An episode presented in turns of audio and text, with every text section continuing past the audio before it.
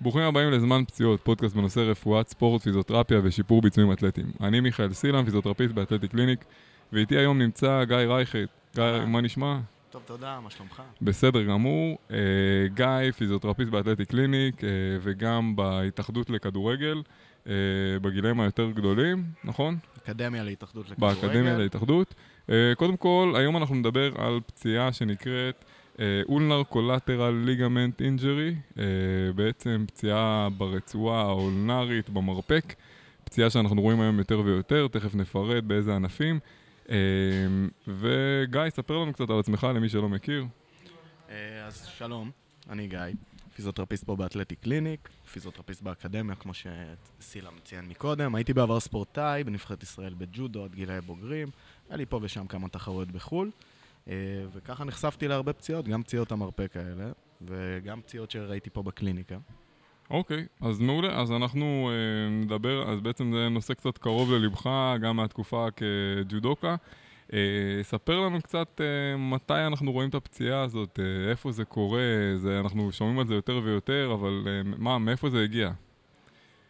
אה, אז ככה, זו פציעה שהיא מאוד נפוצה דווקא בענפי הזריקה, שזה ענפים שפחות משוחקים בארץ, למשל כל מיני בייסבול, פוטבול, אה, אבל בשנים האחרונות רואים גם בקליניקה וגם במחקר הרבה יותר אה, מקרים של פציעות ברצועה האולנרית קולטרלית, נקרא לה מעכשיו UCL. אל תחפשו את זה בגוגל, כי UCL זה Champions League, אז אתם תמצאו משהו אחר. וככל שעלו יותר אומנויות הלחימה בארץ וענפי המגע בעצם, ככה גם נוצרו עוד פציעות, וגם uh, בכדורסל זה מאוד נפוץ. אוקיי, okay, אז מעולה, אז בעצם פציעה שאנחנו רואים יותר ויותר בגלל העלייה של uh, ענפי האומנויות לחימה בארץ, uh, ובארצות הברית שם המספרים הגדולים מדברים בעיקר בבייסבול, אתה אומר, ופוטבול, נכון? כן, המון בייסבול, פוטבול וענפי זריקה אולימפיים כמו כידון, דיסקוס. אוקיי, okay, ספר לנו אז כאילו מה, מה המספרים בערך, כמה פציעות כאלה אנחנו רואים בג'ודו למשל. אז דווקא בוא נתחיל מענפי זריקה. ג'ודו כן. עוד שנייה אני אגיע כי הוא טיפה חדש יותר. מענפי זריקה זה גם מאוד מאוד נחקר בגלל הכסף הגדול שמושקע בבייסבול. אנחנו מדברים על גילאי 8 עד 18, בערך שלושת רבעי מהמגישים, הפיצ'רים או ה quarterbacks, ידווחו שיש להם כאב במרפק המדיאלי, שם נמצאת הרצועה. אה, ובענפי הג'ודו יש יותר עלייה, למשל באולימפיאדת ריו, ב-2016, זו הפציעה הנפוצה ביותר במרפק עם מענפי הג'ודו. וואלה. אז כאילו גם, אתה אומר, שלושת רבעי מהחבר'ה הזורקים. שלושת רבעי מהזורקים, המגישים, יהיה להם כנראה במהלך החיים מתישהו פציעה ב-UCL ברמה כזו או אחרת. ובאולימפיאדה האחרונה, אתה אומר שזו הייתה הפציעה הנפוצה ביותר במרפק, שזה גם אחד המבצעים, אחד המפרקים השכיחים ביותר לפציעה בענפי הלחימה. לגמרי. אה, אוקיי, מעולה. מה עוד אנחנו יודעים על זה? אנחנו יכולים להגיד למשל אה, מה-UFC, שזו פציעה שעולה בעיקר בשלב ההכנעה. מי שמכיר זה שמתגלגלים על הרצפה, מנסים לחנוק או בריח, וזה השלב שבדיוק אה, יש בו הכי הרבה פציעות, אחרי פציעות ראש, במרפק המדיאלי, 11% למען האמת. אז זאת אומרת, בשלב ההכנעה, אז זה הפציעה השנייה הכי שכיחה. בעצם מה שנקרא בריח יד, יש לזה שם, כן, יש לזה שם שונה, נכון? בריח אוקיי. יד, או אם אתם רוצים ג'וג'י גטאם, אודה גראם, אחד מאלה ביפנית. ובג'ו-ג'יצו יש להם שמות אחרים לדבר הזה, נכון? אה, יפנית זה יפנית בכל אוקיי. ענף. אוקיי, אה, אוקיי, מעולה. תגיד לי, ספר לי שנייה, קודם כל, מה בעצם, אה, מה קורה במבנה הזה? אם אנחנו מדברים על המרפק, אתה יכול לפרט קצת על המפרק הייחודי והמורכב הזה? בטח. אז מרפק הוא בעצם מפרק ציר. אנחנו מדברים על המפגש בין האומרוס, עצם הזרוע, לאולנה, שזה אחת מעצמות האמה. יש לו עוד השקה קטנה עם, אה, עם אה, עצם הרדיוס, ובעצם זה מה שמייצר לנו את הרוטציה במרפק. אנחנו מדברים בעיקר אבל על ישור ופשיטה של המרפק עצמו, והרצועה האולנרית קולטרלית בעצם דואגת לייצוב המדיאלי, הפנימי יותר. אה, בעצם לתנועה מימין לשמאל, מדיה ללטרל של המרפק.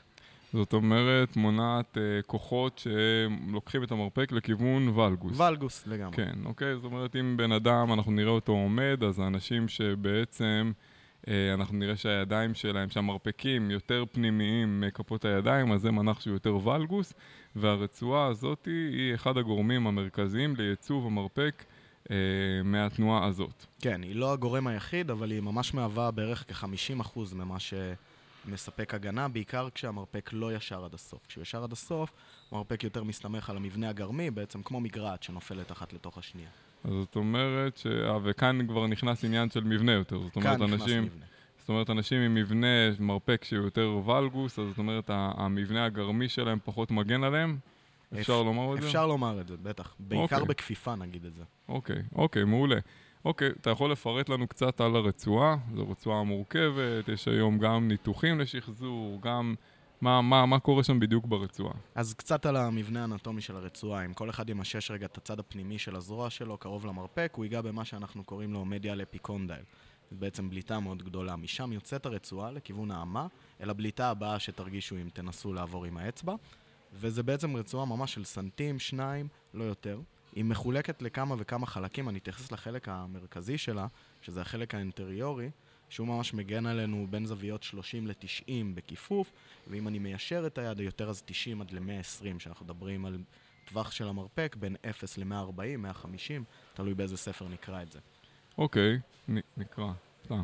אה, הייתי חייב. כן. אה, אוקיי, אז הרצועה מייצבת אותנו בזוויות שונות, אה, ואמרת שיש לה כמה שכבות, והשכבה בעצם העליונה ביותר היא השכבה המרכזית שמגנה עלינו. כן, אנחנו נקרא לה anterior bundle, בעצם אם יש anterior זה גם posterior, בעצם הקדימה והאחורה, יש לה עוד חלק קטן שמערסל שהוא די פסיבי, אבל החלק האינטריורי, השטחי יותר, הוא ממש זה שמגן עלינו. אוקיי, מעולה. אה, חוץ מהרצועה, אז דיברנו על המבנה הגרמי. אה, איזה עוד אה, מבנים יש לנו שנותנים לנו יציבות אה, מדיאלית למרפק? אז באמת אמרנו את המבנה הגרמי, יש עוד מבנה פסיבי שזה בעצם הקפסולה, מעטפת שעוטפת כמו ואקום את כל המפרק, וגם היא נותנת לו איזושהי יציבות.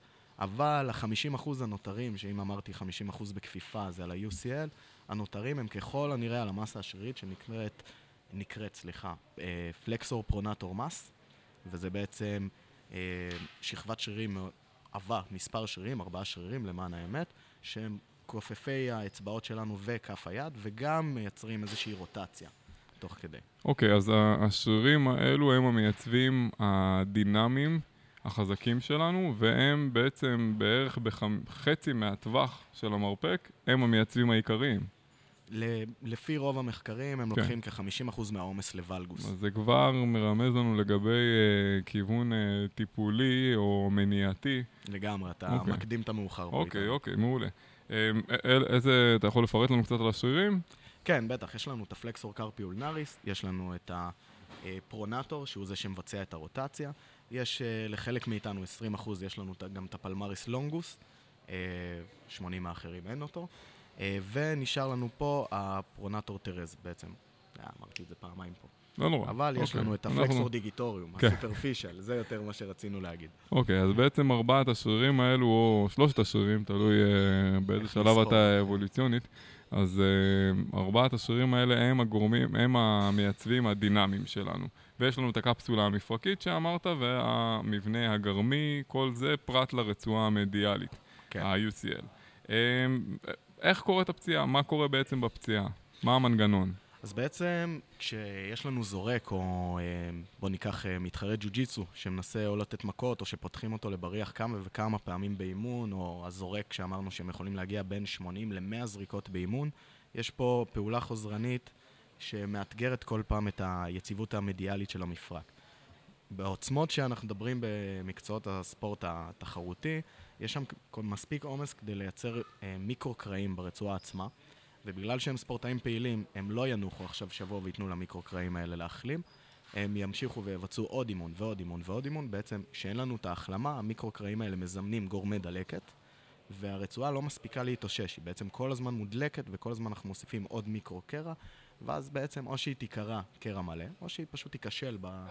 אה, בעצם לא תעשה את התפקיד שלה. כן, אז בעצם אנחנו מדברים שלה. פה על, אה, על אה, פציעה רפטיטיבית, אה, חוזרנית, שבתנועות מסוימות שגורמות לסטרס על הרצועה, סטרס שהוא גבוה מדי, בלי אה, זמן התאוששות מספיק אה, מתאים, שלאורך זמן גורם לאו קרע מלא, או אה, בעצם כשל של הרצועה, כי היא כבר לא מתפקדת, לא עושה את התפקיד שלה. ממש ככה. חשוב גם לציין שיש גם פציעה במבנה טראומטי, בעצם במכה או טאקל או אגרוף שיצא לו טוב, ושומעים גם איזה פופ, נגיע גם לזה אחר כך. היה לנו לא מזמן שחקן כדורסל ב... פשוט בנפילה ביד מושטת, זה קרה לו. זה גם יכול לקרות, באמת טראומות אה, מוזרות ומשונות של הושטת כן. יד בנפילה. אוקיי, אז בעצם הת- אז מנגנון של טראומה, אז מה, מה יותר, מה קורה שם בעצם? בעצם יש אתגר גדול מדי לוולגוס, בעצם עומס גדול מדי על המרפק המדיאלי, שלא הרצועה, לא השרירים ולא המבנה הגרמי מסוגלים לעמוד בו, והרצועה ככל הנראה תהיה הראשונה להיפגע. אוקיי, אוקיי, אז מעניין. אז בעצם יש לנו את הרפטיטיבי ויש את הטראומטי.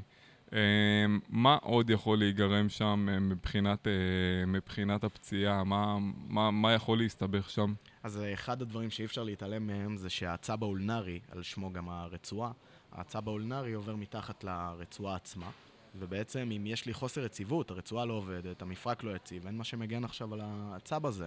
גירוי של הצב, אפילו קריאה מלאה יכולה להיות, על אף שזה נדיר, ואז בן אדם יכול להגיע להתלונן לי על איזה תחושות נימול באצבעות, בעיקר באמה, באזור הזרת, לכיוון הזרת, נקרא לזה ככה. אוקיי, אז זו פציעה שהיא גם, אנחנו יודעים, אה, פציעה באולנר נרב, אה, שזה כל, כל בן אדם קצת מכיר, כי זה, זה הצו שכשאנחנו מתנגשים במרפק, או... זרם או, במרפק, כן, זה... או... הוא האשם. אנחנו היה לנו משחק כשהיינו קטנים, כאילו לתת אה, כזה ציקלווין כזה ל... נתניאתים זה זה, בעיה. לא קוראים לזה. ככה בזה? צקלווינג זה לאוזן, לא? אז אתה יכול לתת אותו, זה התנועה, אתה יכול לתת אותה גם לעצב, ואז אתה מקבל איזה זרם לאצבעות אה, חמש אה, בואכה. ארבע. כן. אמ, אז האמריקאים קוראים לזה פאני בון, כי זה מאוד מצחיק אותם, שאתה מקבל שם זה ויש לך זרם והאצבע נרדמת. אמריקאים, עם כן. מעניין.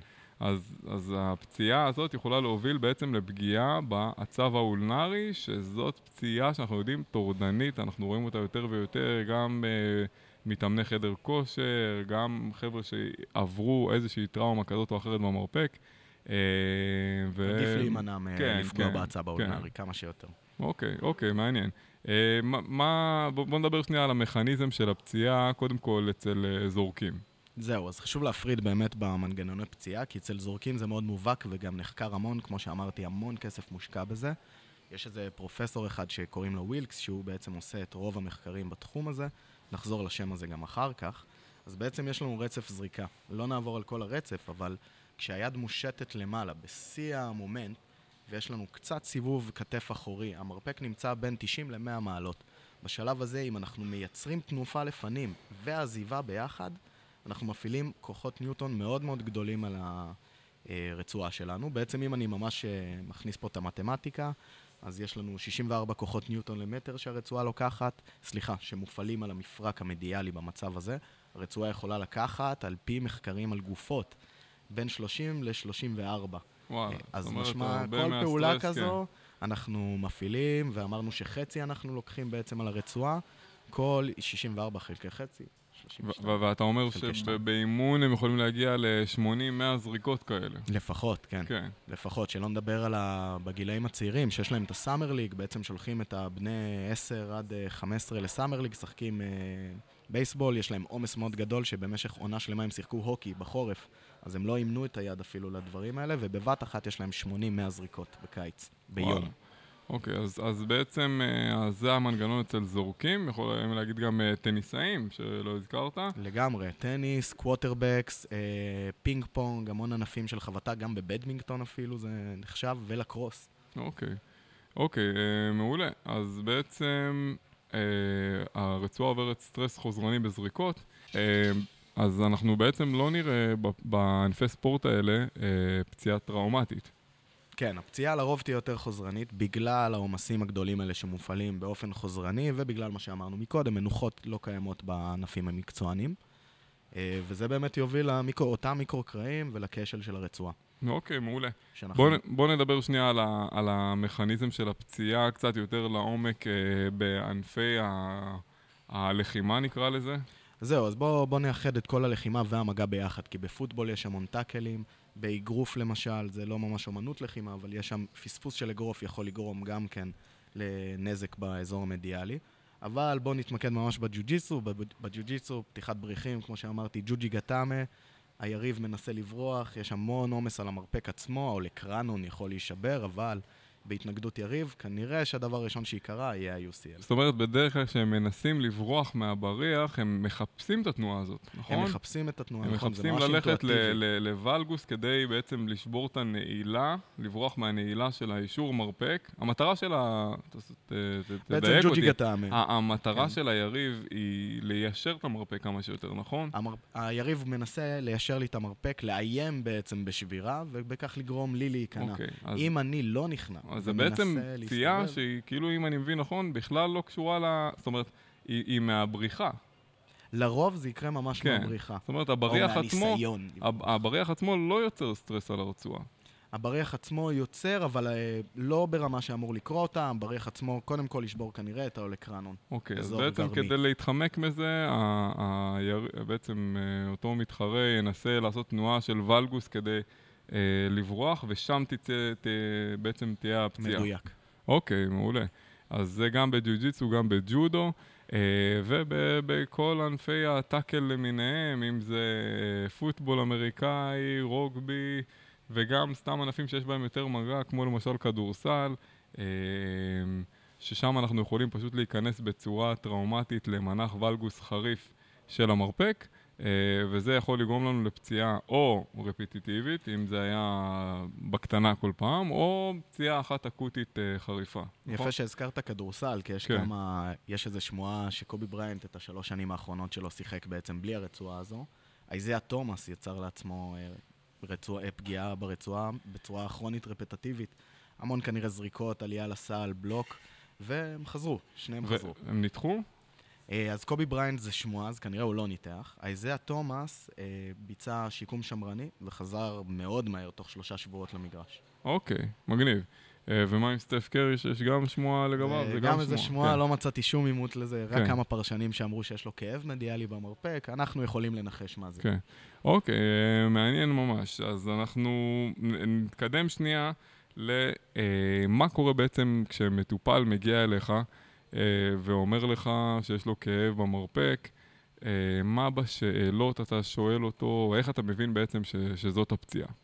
אוקיי, אז כמו כל בדיקה שתגיע אליי, אני אתחיל בראיון, אני אשאל אותו מה הענף שלו, שיכוון אותי, מה הוא הרגיש, איפה הוא, אה, האם הוא מתאר לי טראומה, או דווקא איזושהי אה, הוצאת טכניקה, נגיד זריקה, או הוצאת אגרוף, או ניסיון לטכניקה אחר, שמכאיב לו בצורה חוזרנית, או לאו דווקא מכאיב, אבל האיכות שלו יורדת, היא בדעיכה. או כוח או טכניקה הוא לא מצליח לספק, וכמובן כאב מדיאלי במרפק. לפעמים זה עם נפיחות, לפעמים בלי נפיחות, לרוב בלי.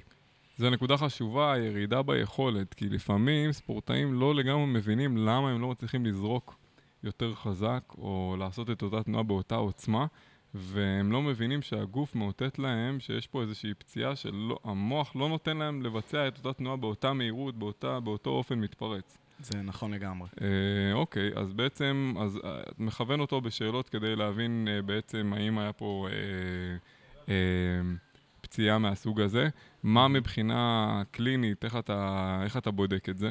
תראה, אז לרוב יש לנו יותר את הכרוני רפטטיבי בפציעה הזו. בן אדם ידווח לי על כאב מדיאלי במרפק באזור הרצועה האולנרית. הוא ידווח לי שהוא לא יזכור כנראה איזה אירוע אחד שפשוט כאב לו. יזכור איזושהי התחלה הדרגתית של כאב שהולך ומחמיר, או אפילו נשאר סטטי ואז הטכניקה יורדת במקביל. וגם יכול להיות, בגלל המעורבות של העצב האולנרי למטה, איזה שהם נמלולים, הרדמויות עד האצבע, האצבע הרביעית-חמישית שלו ב, אה, בכף היד, או לאורך האמה.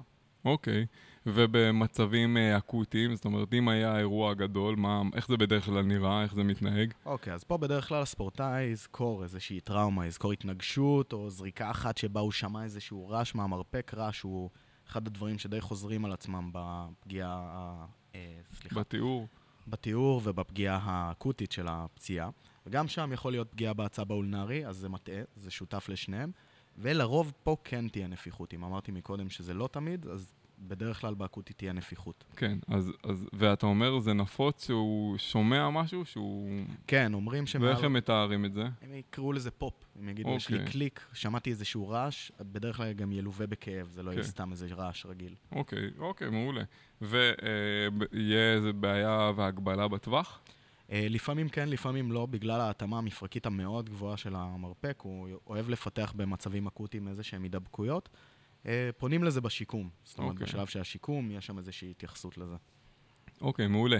אמ, יש לנו איזה טסטים ספציפיים שאנחנו יודעים שהם יותר אה, מדייקים לנו, זאת אומרת, כמו אה, במבדקים אחרים, שאם אנחנו עושים את המבדק הזה והוא יוצא חיובי, אז בסבירות של איקס אחוז, יש לו את הפציעה הזאת? יש לנו שני מבדקים שמאוד טובים לפגיעה הזו. אחד מהם קוראים לו מילקינג מנובר, זה נראה כמו איזה תנועת חליבה כזו של המטופל, בעצם תופסים לו את האגודל כמו עטין, משם זה מגיע, ומושכים לו את היד לכיוון אה, אה, לטרלי, וככה מפעילים לחץ באזור המדיאלי של המרפק. יש לנו את ה-Moving Valgus Stress, שהוא בדיקה, שזו בדיקה די נפוצה על המרפק שמבצעים, אבל היא מאוד אינדיקטיבית, ובעיקר, בעיקר עוזרת לנו להבחנה מבדלת עם בעיות אחרות. אה, עוד שימוש שיש לנו זה בעצם הדמיות. ברגע שאני, נגמר לי המבחנים, אני לא בטוח, אני שולח אותו להדמיה, או שאני חושד בקרע מלא. ההדמיות הן לא מאוד טובות, זאת אומרת, יש לנו את ה-X-ray תוך כדי תנועה, שהוא יכול להיות יעיל, אבל ספורטאים, בעיקר זורקים, מפתחים איזושהי עמידות לפתיחה. זאת אומרת, גם במרפק שמאל כנראה תמצא אצל הרבה ספורטאים פתיחה בלי כאב. אה, אז הוא לא ממש טוב. אולטרסאונד מאוד תלוי בבודק. זאת אומרת, רגע, אני, אני כן. אעצור אותך שנייה, אני אפרט על זה. אז אתה אומר בעצם אחת הבדיקות זה X-ray עם uh, stress, אוקיי? בעצם צילום רנטגן רגיל עם סטרס לכיוון הרצועה, כדי לראות האם היא בעצם מתפקדת או שיש פתיחה יותר מדי גדולה ומשווים את זה לצד השני, ואתה אומר אצל ספורטאים, הרבה פעמים אנחנו נראה גם בצד השני פתיחה, ואז אנחנו לא יודעים להגיד האם הפגיעה ברצועה היא רלוונטית או לא רלוונטית. אפילו בזורקים, שזה מקצוע אה, אסימטרי, או אה, חובטים, אתה תראה ביד הדומיננטית איזושהי פתיחה שהיא לאו דווקא מהווה איזושהי פגיעה, לכן הבדיקה הזו היא לא מאוד טובה. אוקיי. Okay. הבדיקת בחירה תהיה MRI, אולטרסאונד היא גם יכולה להיות טובה, אבל היא קצת בעייתית בגלל שהיא תלוית בודק, ו-MRI היא יותר אה, אובייקטיבית בנושא הזה. גם הקלסיפיקציות הולכות לפי ה-MRI, אז זו באמת בדיקת הבחירה שלנו. אוקיי, okay, אבל בדרך כלל ילכו ל-MRI אנשים שיש להם או פציעה חמורה, או uh, שאנחנו יודעים שהם הולכים לכיוון ניתוח. כן, נכון? זאת אומרת, כן. לא, לפעמים אנשים אומרים לי, אבל אני צריך MRI. זאת אומרת, MRI לא, לא דחוף. לא, לא למטפל. יש המון כלים בקליניקה לעלות על הבעיה הזו ולהעריך כן. את החומרה שלה, ואם הוא מעריך שהיא באמת חמורה מעבר לגדר הרגיל, אז הוא כנראה ישלח להדמיה. אוקיי. Um, מה, מה בעצם אנחנו יכולים לפספס? איזה פציעות נפוצות יכולות להיות גם באזור הזה, ו- ויכולות לגרום לנו לחשוב שוואלה... זה זה, אבל בסוף פספסנו וזה היה פציעה אחרת. אוקיי, okay, יש שתיים שממש חשוב להתחיל איתם, שזה אה, גולפר זלבו או מדיה לאפיקונדל אפופיסיטיס, שזה יותר בצעירים מתבגרים. מדובר בעצם בכאב באזור מדיאלי, אבל שהוא יותר ממקור אה, גידי עצם, מפגש הגיד עצם שם. הרבה okay. אוקיי. פחות, בצעירים זה ממש יכול לפגוע להם בלוחית הצמיחה, ולכן חשוב לזהות ולדבר על זה. אם צעיר מגיע אליי עם כאב uh, במרפק והוא גם זורק או נמצא באיזשהו ספורט עם uh, סיכון גבוה בלחץ מדיאלי על המרפק, אני כנראה אשלח אותו להדמיה דבר ראשון כדי לראות שאני לא פוגע לו בגדילה. באדם בוגר uh, קל יותר להבדיל בין הגולפר זלבו לפציעה שלנו ב-UCL בעזרת אותם מבדקים מיוחדים שאמרתי, כן. ה-Moving Valgus Stress והמילקינג. אבל לפעמים באמת הסימפטומים יכולים להיות די דומים מבחינת זה שכואב להם בזריקה. או שיש להם, אה, זאת אומרת, כן, עדיין, כן, כאילו יש, יש פה חשיבות, uh, לא לאבחן באינטרנט בקיצור. לא, לא, כן. או כל אחד שמרגיש טיפה נמלולים באצבעות, לא קרא כן. את הרצועה, זה יכול כן. להיות הרבה דברים. אוקיי, uh, מה עוד יכול להיות? אז יש את המסה השרירית הגדולה שהזכרנו מקודם, אז נזק למסה השרירית הזו גם יכול להידמות כמו אותם סימפטומים של הקרע ברצועה האולנרית קולטרלית.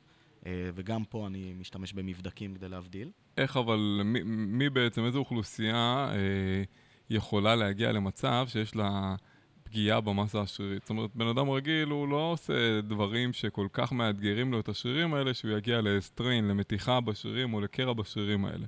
אז איזה אוכלוסיות כן? חד משמעי. אז למשל חובטים, כן. כל מקצוע שמחזיק במכבד ונותן מכה, מפעיל המון לחץ על אותם שרירים, והם יכולים בעצם להינזק. אה, מקצועות של מגע כמו ג'ודו, בעצם האחיזה בחליפה, יכול להפעיל, וגם מקצועות כמו קרוספיט, שיש להם המון... אה, כוח באחיזה והרמה, הנפה של משקולות, עליות מתח, זה מפעיל גם כן. וואלה, נכון, לא דיברנו בכלל על uh, הרמת משקולות, אבל זה יכול להיות שם, uh, אוקיי. ועוד עוד פציעה, עוד משהו בהבחנה מבדלת שיכול להיות לנו? כן, חשוב גם לדבר על הקוביקטל טאנל סינדרום, שזה בעצם יותר בעיה בג'אנר הנוירולוגי שם, כי יש שם לחץ על ה... הצב המדיאני באזור הקוביטל פוסה שנמצאת במרפק. אולנרי, כן. ו... ואז אתה אומר פציעה בקיוביט אלפוסה, אה, בקיוביטל פוסה. קוביטל אוקיי, פוסה, אתה חשבתי שאתה מדבר על ה... זה, נכון, צודק. כן, כן. אמ, אז בעצם פגיעה בקיוביטל פוסה, אבל זה לא יהיה כזה קרוב. לא זה- כזה אתה אומר קרוב. זה יכול... אה, הסימפטומים העמומים, העמימות הזו של אוקיי, היד, אוקיי, אוקיי. זה יכול לגלוש לשם, או. לאזור של המסה השרירית. אוקיי, אבל לא לפספס, לא מאוד קרוב, אבל לא לפספס. לא לפספס. אוקיי. מה אנחנו עושים, אה, מה האופציות הטיפול שלנו? יש לנו... מה, מה בעצם, ברגע שעברתי פציעה כזאת, מה אני עושה? אז תראה, אם אין לך קרע מלא, לרוב אנחנו ננסה קודם כל את הטיפול השמרני, וזה בגלל האחוזים המאוד גבוהים שלו בהצלחה. מחקרים האחרונים אומרים 85 עד 94 ולפעמים יותר הצלחה של השיקום השמרני בחזרה לרמת התחרות. וזה חשוב להדגיש, זה לא פשוט המרפק עכשיו בסדר, זה אני באותה רמה שהייתי טרם הפציעה, אני יכול לזרוק אוקיי. כדור זאת באותה אומרת, מהירות. אחוזים מאוד מאוד יפים. אחוזים אוקיי. מאוד יפים. אבל זה התוכנית- בקרע חלקי יותר.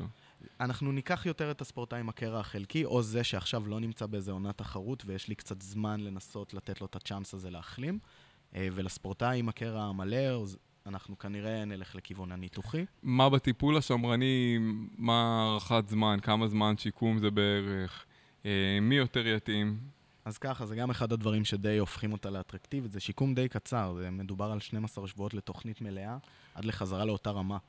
כן, די קצר, אבל אתה אומר פה די קצר ב-12 שבועות, עוד רגע אנשים נשמע שומעים את את זה, כן. האלטרנטיבה ונבין או- למה זה כן. קצר, לא, זהו. זה קצר יחסית, יחסית, אבל תמיד אה, כשאנחנו מדברים או עם מאמנים או עם אה, ספורטאים וצריכים לבשר להם איזו בשורה כזאת, שאנחנו מבסוטים, שזה סך הכל קרע חלקי, הוא תוך אה, אה, 12 שבועות אה, יכול לחזור, והם מבחינתם אה, חושך בעיניים. כן, תנסה למכור למישהו ו- שבועיים בלי משחק, כן, הוא הורג כן, אותך. אז 12 שבועות, אוקיי. אז זו האופציה השמרנית. השמרני. אוקיי.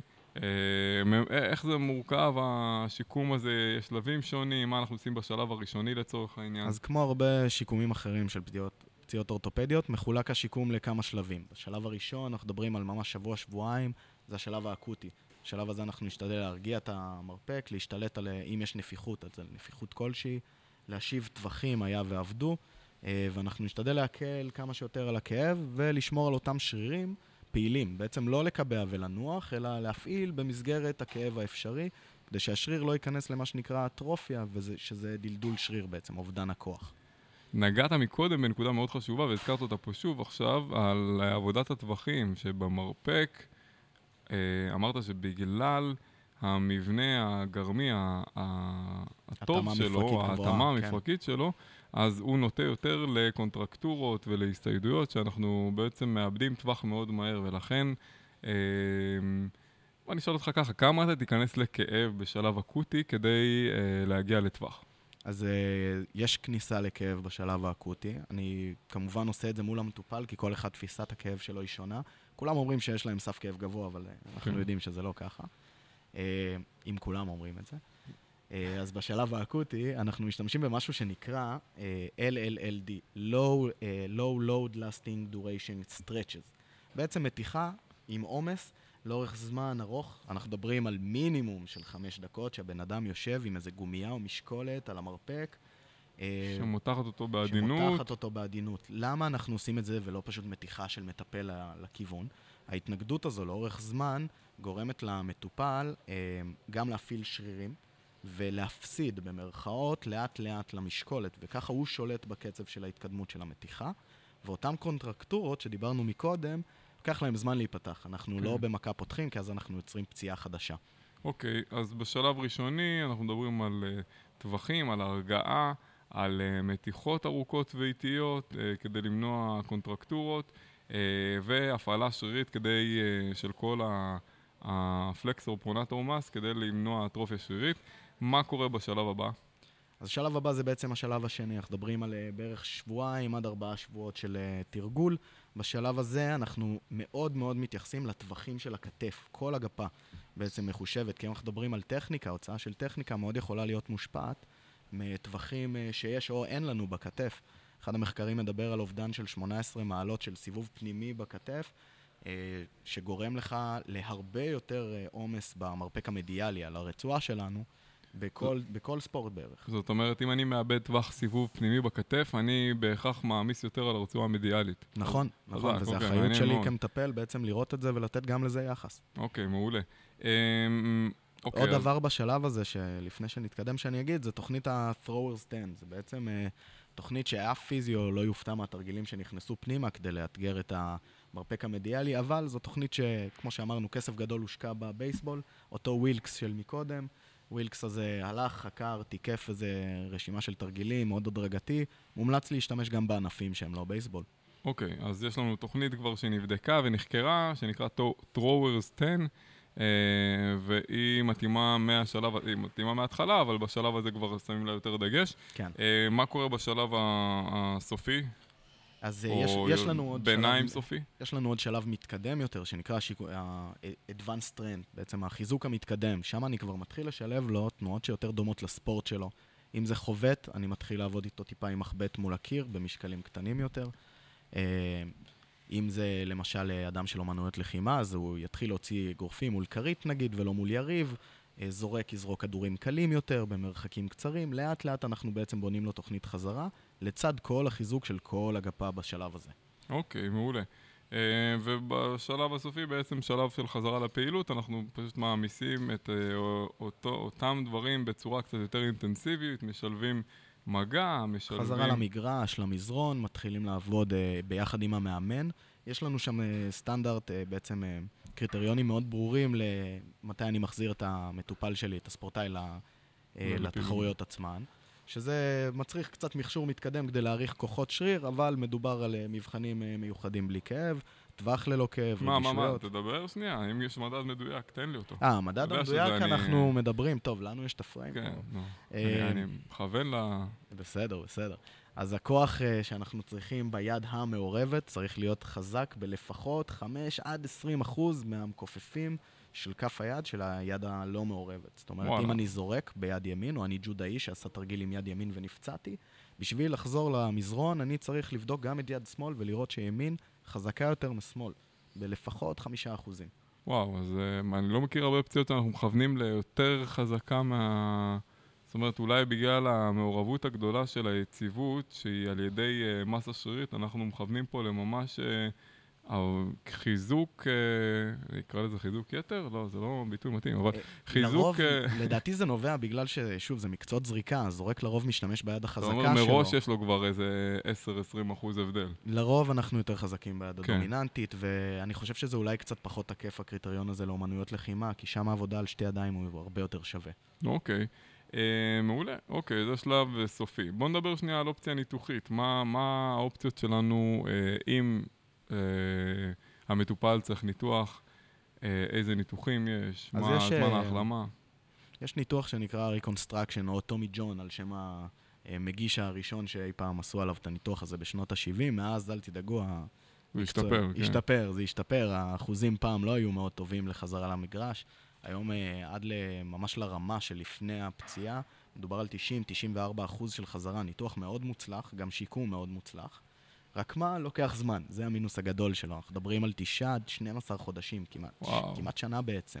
כן, אז בעצם שיקום ארוך, אה, ואתה אומר, אבל מצד שני, אחוזי אה, חזרה לספורט מלא מאוד מאוד גבוהים. מאוד מאוד גבוהים, ויש גם חריגים. אנחנו כל הזמן מדברים על אומנויות לחימה, אה, לוחם UFC, טים מינס, נפצע ב- בעשור הקודם, ב-2016, והוא הקדים את הפרוטוקול הזה בהרבה, הוא חזר תוך חצי שנה.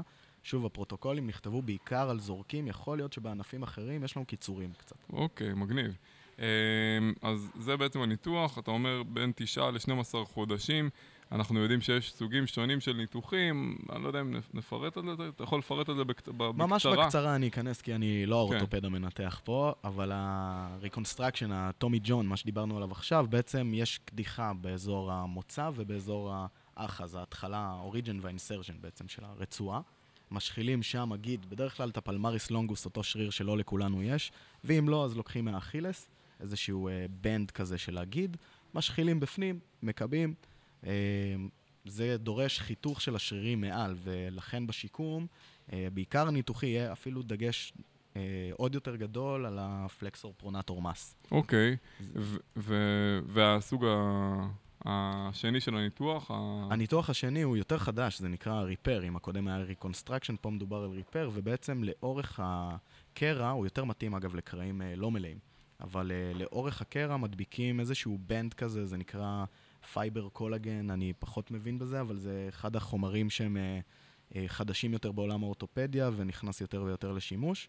האחוזי ההצלחה של הניתוח הזה הם גם גבוהים, הם 90 אחוזים, ולמה הוא קוסם כל כך לספורטאים ולמנתחים? כי הוא מקצר את זמן ההחלמה מתשעה לשבעה חודשים. אה, טוב, ולכן הוא ש- אטרקטיבי. מי שמתאים לו, אז כנראה ירצה להעדיף את זה. אמ, אוקיי, יש, בוא נדבר קצת על מניעה. יש לנו אופציות ל... ל... יש לנו תוכניות שנבדקו לגבי מניעת פציעות? אז שימוש באותו Throwers 10 אה, יכול להיות גם אחלה דרך למנוע פציעות. בעצם אם אני יודע שיש לי זורק, שיש לו סיכון לעומס מדיאלי גבוה במרפק, למה שאני לא אאמן אותו מראש כבר ל flexor pronator mass שאנחנו מזכירים כל כך הרבה? זה אחד הדברים שחשוב לעבוד בהם. אז uh, מאמני טניס שמאזינים, סתם, uh, או בייסבול, למרות שיש יש, אה, יש נישה כזאת בארץ, טניס, בייסבול, כדורסל, כדורעף, לדעתי הם האלה שנטרגט בארץ. וואלה. ואתה אומר כרגע מבחינת אומנויות לחימה אין עדיין איזושהי תוכנית שהיא זה, יכול להיות שה Throwers Ten מתאימה, אבל... יכול להתאים ה Throwers 10, כן? בטח Throwers 10, שזה עוד תוכנית שהוא... אה, אותו ווילקס תיקף לקצת מתקדם יותר, והיא יותר מאתגרת, אה, גם יותר אה, מולטי דירקציונלית כזו. אוקיי. Um, טוב, אז נראה לי אנחנו נסיים פה. Uh, תודה רבה. סיכמנו קצת גם על uh, מניעה, גם על הניתוח. Um, תודה רבה לגיא.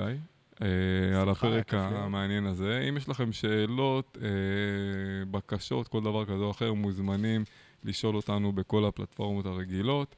Uh, וזהו, מוזמנים להאזין גם לשאר הפרקים בכל הפלטפורמות שאתם שומעים פודקאסטים. תודה רבה.